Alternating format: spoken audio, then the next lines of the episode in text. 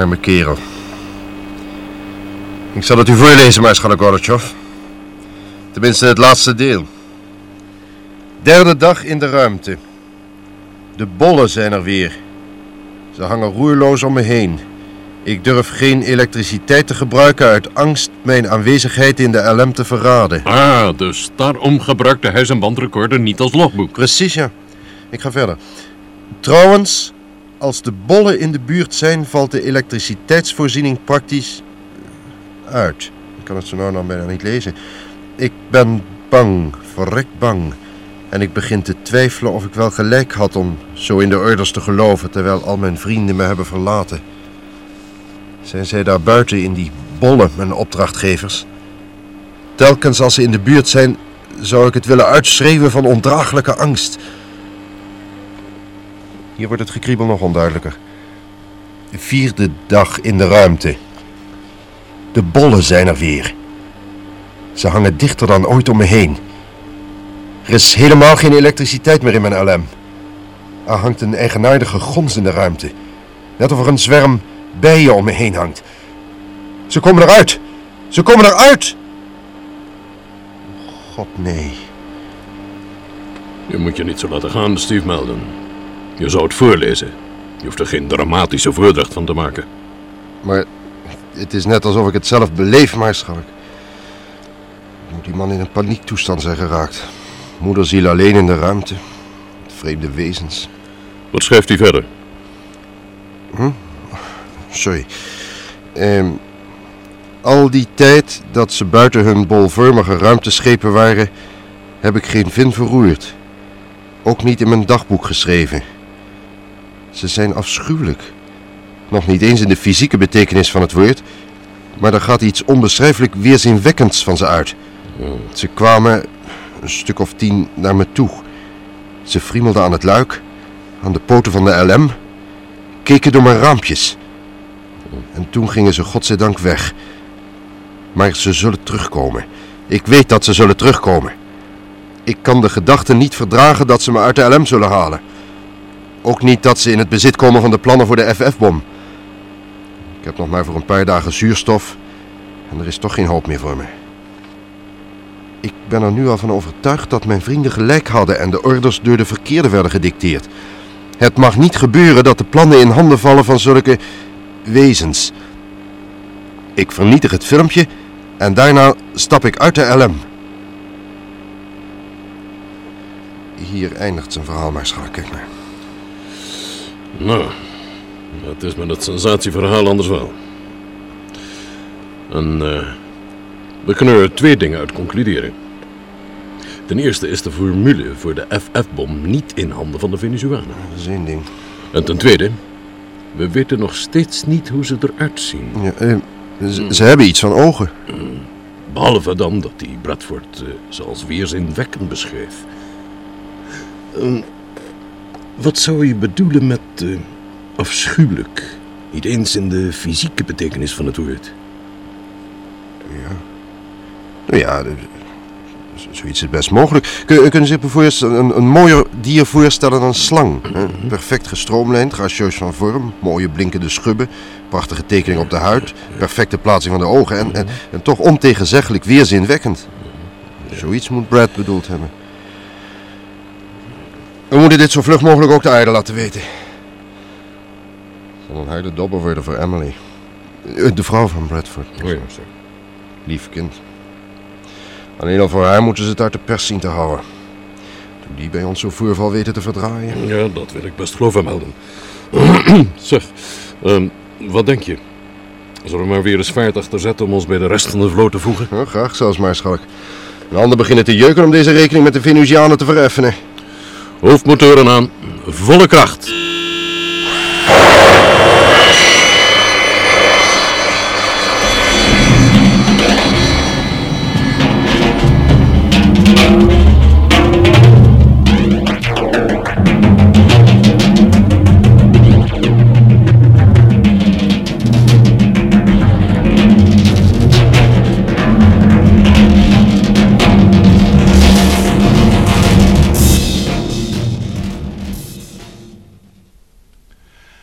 En dat is de hele geschiedenis, Emily. Precies zoals alles zich werkelijk heeft afgespeeld. Dus Brett is dood. Ja, Emily. Koester geen valse hoop, alsjeblieft. Was hij een verrader, met? Nee, Emily. Nee, nee. Dat was Brett zeker niet. Hij handelde onder hypnose. De Venusianen hadden zijn geest beïnvloed. Eh, Moederziel alleen in de ruimte heeft zijn gezond verstand weer de overhand gekregen. Ja, toen heeft hij er een eind aan gemaakt. Brett was een goed mens. Dat was hij zeker. We zullen je nu maar alleen laten, Emily. Eh, zullen we, Helen? Ja, dat is misschien wel beter met. Blijven jullie nog een poosje, alsjeblieft. Ten slotte ben ik de vrouw van een astronaut. Een bericht als dit kun je dan elke dag verwachten. Daarvoor was Brett testpiloot. En ook dan ben je blij met elke dag dat het niet komt. Maar eens gebeurt het, dat weet je. Wat drinken jullie? Eh, voor mij een whisky soda. En voor mij ook. En schenk er voor jezelf ook maar één in, Emily. Een goede sterke, die kan je best gebruiken. Ja, ik ga ze even klaarmaken. Drie stuks.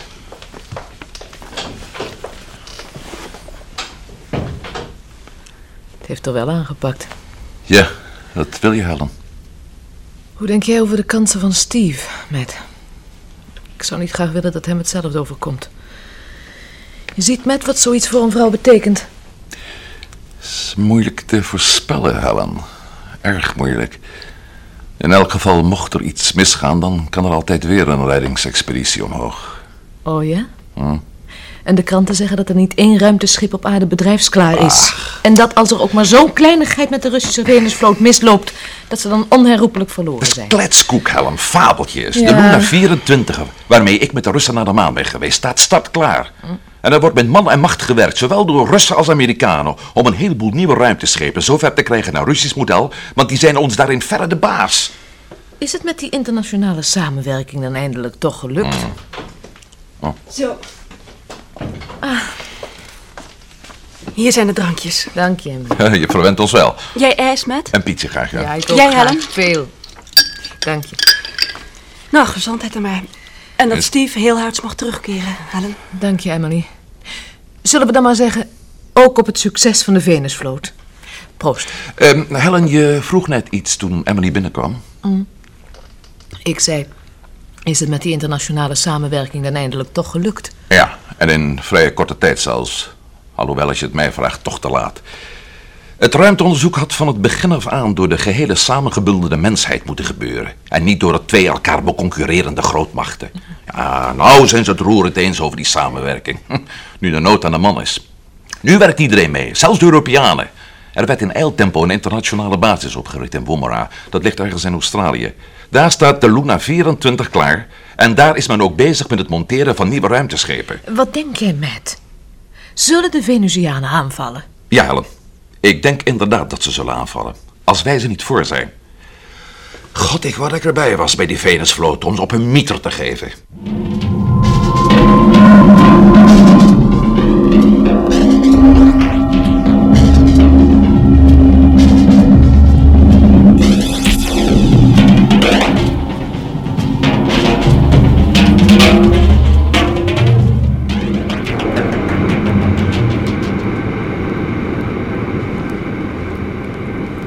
Stevens, meneer Melden.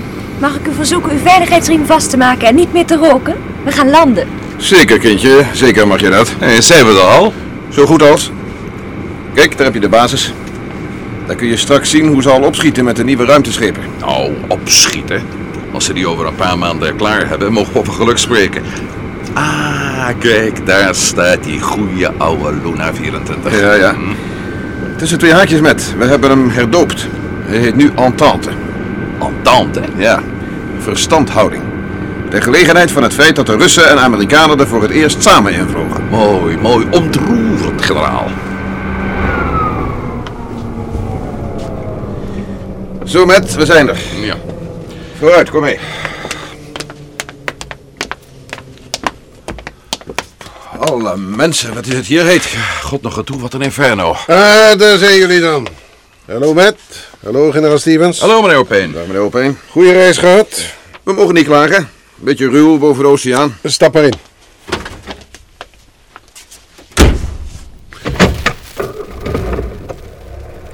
Jullie hebben vanuit de lucht waarschijnlijk al een blik kunnen werpen op de nieuwe installaties. Ja. Ziet er in opzet niet kwaad uit, lijkt me. De mensen schijnen zich eindelijk te hebben gerealiseerd dat er haast mee is. Wij beschikken over een fantastisch budget. Daarom schieten we ook zo lekker op. Ondanks dit klimaat. Ondanks dit klimaat, ja. Alles went, generaal Stevens. En de Australiërs zijn prettige mensen om mee samen te werken. Hoe gaat het met de Venusvloot? Ze zouden er nu zo zoetjes aan moeten zijn, hè? Zoetjes aan, generaal Stevens, net wat u zegt. Tot nu toe kregen we geen slecht nieuws binnen. Als je de trieste afloop met Bradford niet meetelt. Zo, daar is onze communicatiebarak. Zoals je ziet nogal primitief, maar dat zal snel veranderen.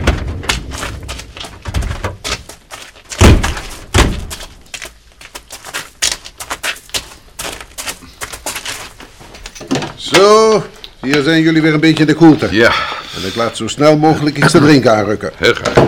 Daarna zou ik jullie voorstellen aan mijn Russische en Europese collega's. Het lijkt hier net een UNO-verzamelkamp. Maar wel als gevolg van een gelukkige complicatie in elk geval, meneer Opeen. Kijk eens hier. Vanuit dit armzalige kamertje staan we in rechtstreekse verbinding met Houston, met Kazachstan en met de Venusvloot. Piotr daar is een uitnemend radiotechnicus. Spreekt vlot 12 talen. Hallo Piotr. Hallo, meneer Opeen. Dit zijn met Melden en generaal Stevens. Daar heb je toch wel van gehoord, hè? Zeker, zeker. Het is me een eer kennis met u te mogen maken, heren. Dat is wederzijds. Hallo, Piotr. Nog geen nieuws, Piotr? Geen nieuws, nee. Ik kreeg net nog een oproep van de Venusvloot. Het afremmen is begonnen en ze zullen ongeveer morgenavond in een parkeerbaar rond Venus vallen. Geen contact met bollen, zelfs niet op de radar te zien. Alsof ze nooit bestonden. Oké, Piotr, dankjewel. Tijdverlies is anders wel lastig. Je bedoelt die eh, pakweg vijf minuten dat je op antwoord moet wachten. Ja, Daar is nu helemaal niets aan te verhelpen, Piotr. Het is jammer dat ze niet met ruimtemodulatie zijn uitgerust. Dan zouden we onmiddellijk antwoord hebben. In elk geval, de Luna 24, eh, de Entente bedoel ik, zal er wel mee uitgerust worden. Ze zijn op het ogenblik bezig om er zo'n zendontvanger in te bouwen. De uitvinder houdt er zich hoogstpersoonlijk mee bezig. Oh, dat is die eh, dokter Takata. Ja. En willen jullie me nu maar volgen naar mijn kleine bescheiden kantoor? Want jullie zijn natuurlijk niet hier gekomen als luierende toeristen. Laat ik daar nou al die tijd bang voor zijn geweest.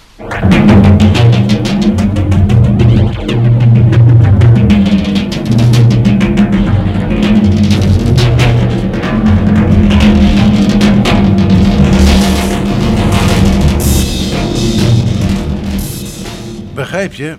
Het gaat om die bollen. Generaal Stevens, tenslotte stond u geruime tijd aan het hoofd van een legereenheid.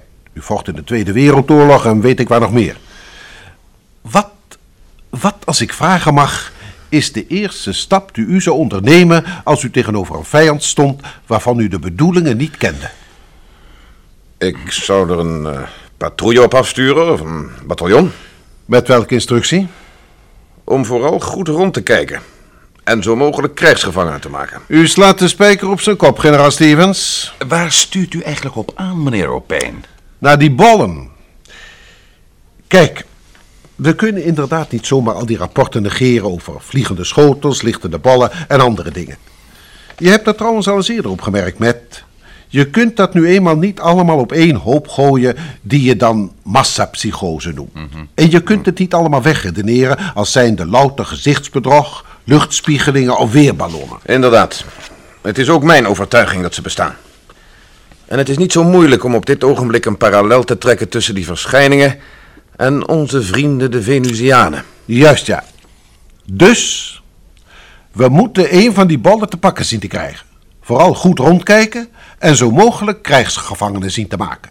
Uw eigen strategie, generaal. Alsof het niks is. Dat zal verdorie niet eenvoudig zijn. Dat zal inderdaad niet zo eenvoudig voor u zijn. Met u bedoelt u mij? Ja. U zult de operatie leiden, generaal Stevens. Ik zelf heb er de tijd niet voor. En vooral niet de militaire ervaring die zoiets vereist. Ik heb geprobeerd ook de Russen warm voor dit plan te maken, maar die zijn te nuchter voor zulke soort dingen. Ze doen niet mee. Ik wil zo'n bal hebben. Liefst met inzittenden. U krijgt alle mogelijke medewerking. En van mij persoonlijk carte blanche. Leger, vloot en luchtmacht zullen tot uw beschikking staan. Alhoewel natuurlijk elke vorm van paniek onder de bevolking moet worden vermeden. Die is zo al nerveus genoeg. U slaat uw tenten op in Houston, waar u een behoorlijk deel van de bestaande staf te beschikking krijgt. Dat laatste maakt het alweer wat aanlokkelijker. En u blijft constant in verbinding met alle belangrijke radarposten en sterrenobservatoria. Ook met de Dew Stations, de Distant Early Warning Post in de Poolstreek. Ondanks dat zal het een hels karwei worden, meneer Opeen. Ik lees de kranten ook. En er gaat geen dag voorbij of er zijn tientallen meldingen van vliegende bollen, vooral nu. Hoe moet ik bij zulke meldingen het kaf van het koren scheiden? Wat is echt en wat is gefantaseerd? Ik reken een beetje op uw onderscheidingsvermogen en uw flair voor improvisatie, generaal. En de computers kunnen u daarbij reusachtig helpen. Ja, nou, ik zal doen wat ik kan. En nogmaals, geen paniek. We houden de pers er zorgvuldig buiten. Wat een ontstellende knoeipartij die er op het ogenblik weer van maakt hier. Een paar krantenknipsels van de afgelopen dagen over vliegende bollen. Niet te geloven. Ja, hier, kijk ze maar eens door. Deze is wel om te brullen. Boer ziet vliegende bol op zijn weiland landen, zegt dat hij erin gekropen is en mee naar Venus gevlogen en terug. En verder? Hij zag op Venus engelachtige wezens die hem waarschuwden dat het einde van de wereld nabij is. Nu zegt hij dat we allemaal in zonde leven en dat dat de oorzaak van alle misère is. We moeten de bollen wegbidden, beweert hij. Ja, was het maar zo eenvoudig. En nu zijn zulke berichten nog onschuldige grappen. Goddank nemen maar heel weinig mensen die ook serieus. Erger zijn zaken als deze. Hier, hier, lees maar eens. Tja, en dat nog wel met vette letters. Volgende vliegende bol kan de fatale zijn, beweren geleerden in Woomera. En nog een hele hoop onzin meer. Ja, maar zoiets schrijven is toch onverantwoord? Erg genoeg is wat ze schrijven misschien nog waar, ook met. Dat is het hem juist. Ja. Kijk, heren. Als goedgelovige mensen zoiets lezen, dan krijg je het volgende.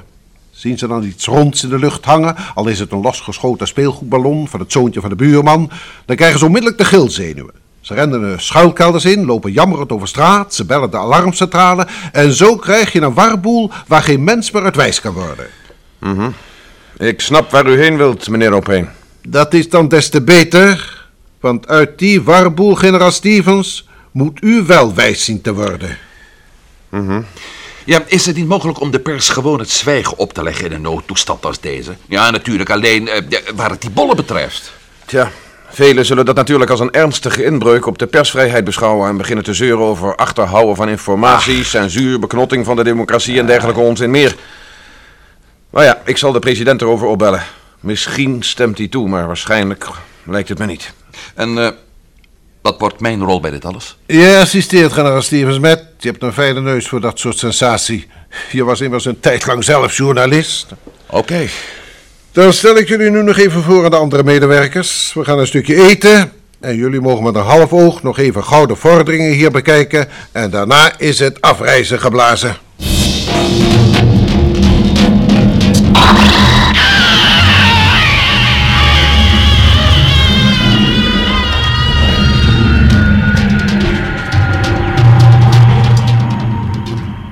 Dat ziet er lang niet gek uit, hè? Het zou je bijna alle verloren hoop weer teruggeven als je die ruimteschepen ziet. Hoop is er altijd, met. We zullen Piotr nu even goeiedag gaan zeggen. En dan meteen naar de laatste bericht over de Venusvloot vragen. Hallo, Piotr. Nog nieuws van de Venusvloot? Ja, meneer Opeen. Ja, Ik was net van plan u te laten oproepen om u het nieuws te vertellen. Toch geen slecht nieuws, hoop ik? Eh, eh, nee, nee. eh, maar wacht, ik spoel de band even terug.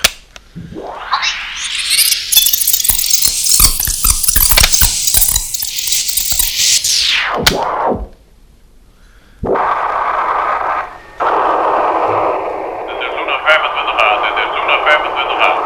Jullie laatste bericht wordt ontvangen. Alles gaat hier volgens plan. Ons vlaggenschip heeft zich weer bij de rest van de vloot gevoegd.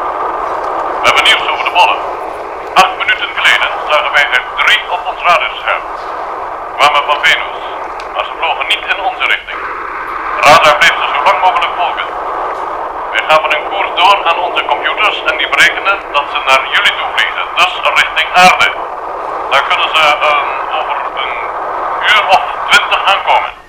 Tenminste, tenzij ze hun koers veranderen of hun snelheid opvoeren. Dat was het, meneer Opeen. Oké, Piotr. Ze zijn terug en vragen of ze niet uit de computers kunnen wringen waar die pollen ergens op aarde zullen arriveren. Ook dat moet toch te berekenen zijn. Goed, meneer Opeen, ik zal het ze overbrengen. Het bevalt me helemaal niet. Ik zou juist zeggen van wel, Matt. Ze vallen jullie nu letterlijk in de schoot. Alles wat jullie te doen hebben, is hier op radar hun koers volgen. Tegen die tijd dat ze gaan landen, weet je dus ook waar. En dan staat het ontvangstcomité klaar Je om... reinste opportunisme, meneer Opeen. En bovendien levensgevaarlijk opportunisme ook nog. Stel je voor dat die zo pessimistisch gestemde journalist, waarvan u ons net dat knipsel liet lezen, u eens gelijk zou hebben. Dat die drie bollen die hiernaar op weg zijn inderdaad niets minder zouden bevatten dan een superwapen dat de hele aarde vernietigt. Of acht u de Venusianen daar soms niet toe in staat, na alles wat we tot nu toe met deze lieden beleefd hebben? U bedoelt dus dat we ze koet gekoet naar beneden moeten schieten, generaal Stevens? We moeten ze naar beneden schieten, ja. Missen we er een, dan zal ik proberen die te pakken te krijgen, onbeschadigd zoals u vroeg. Maar ik hoop bij alles wat mij lief is dat we ze niet zullen missen.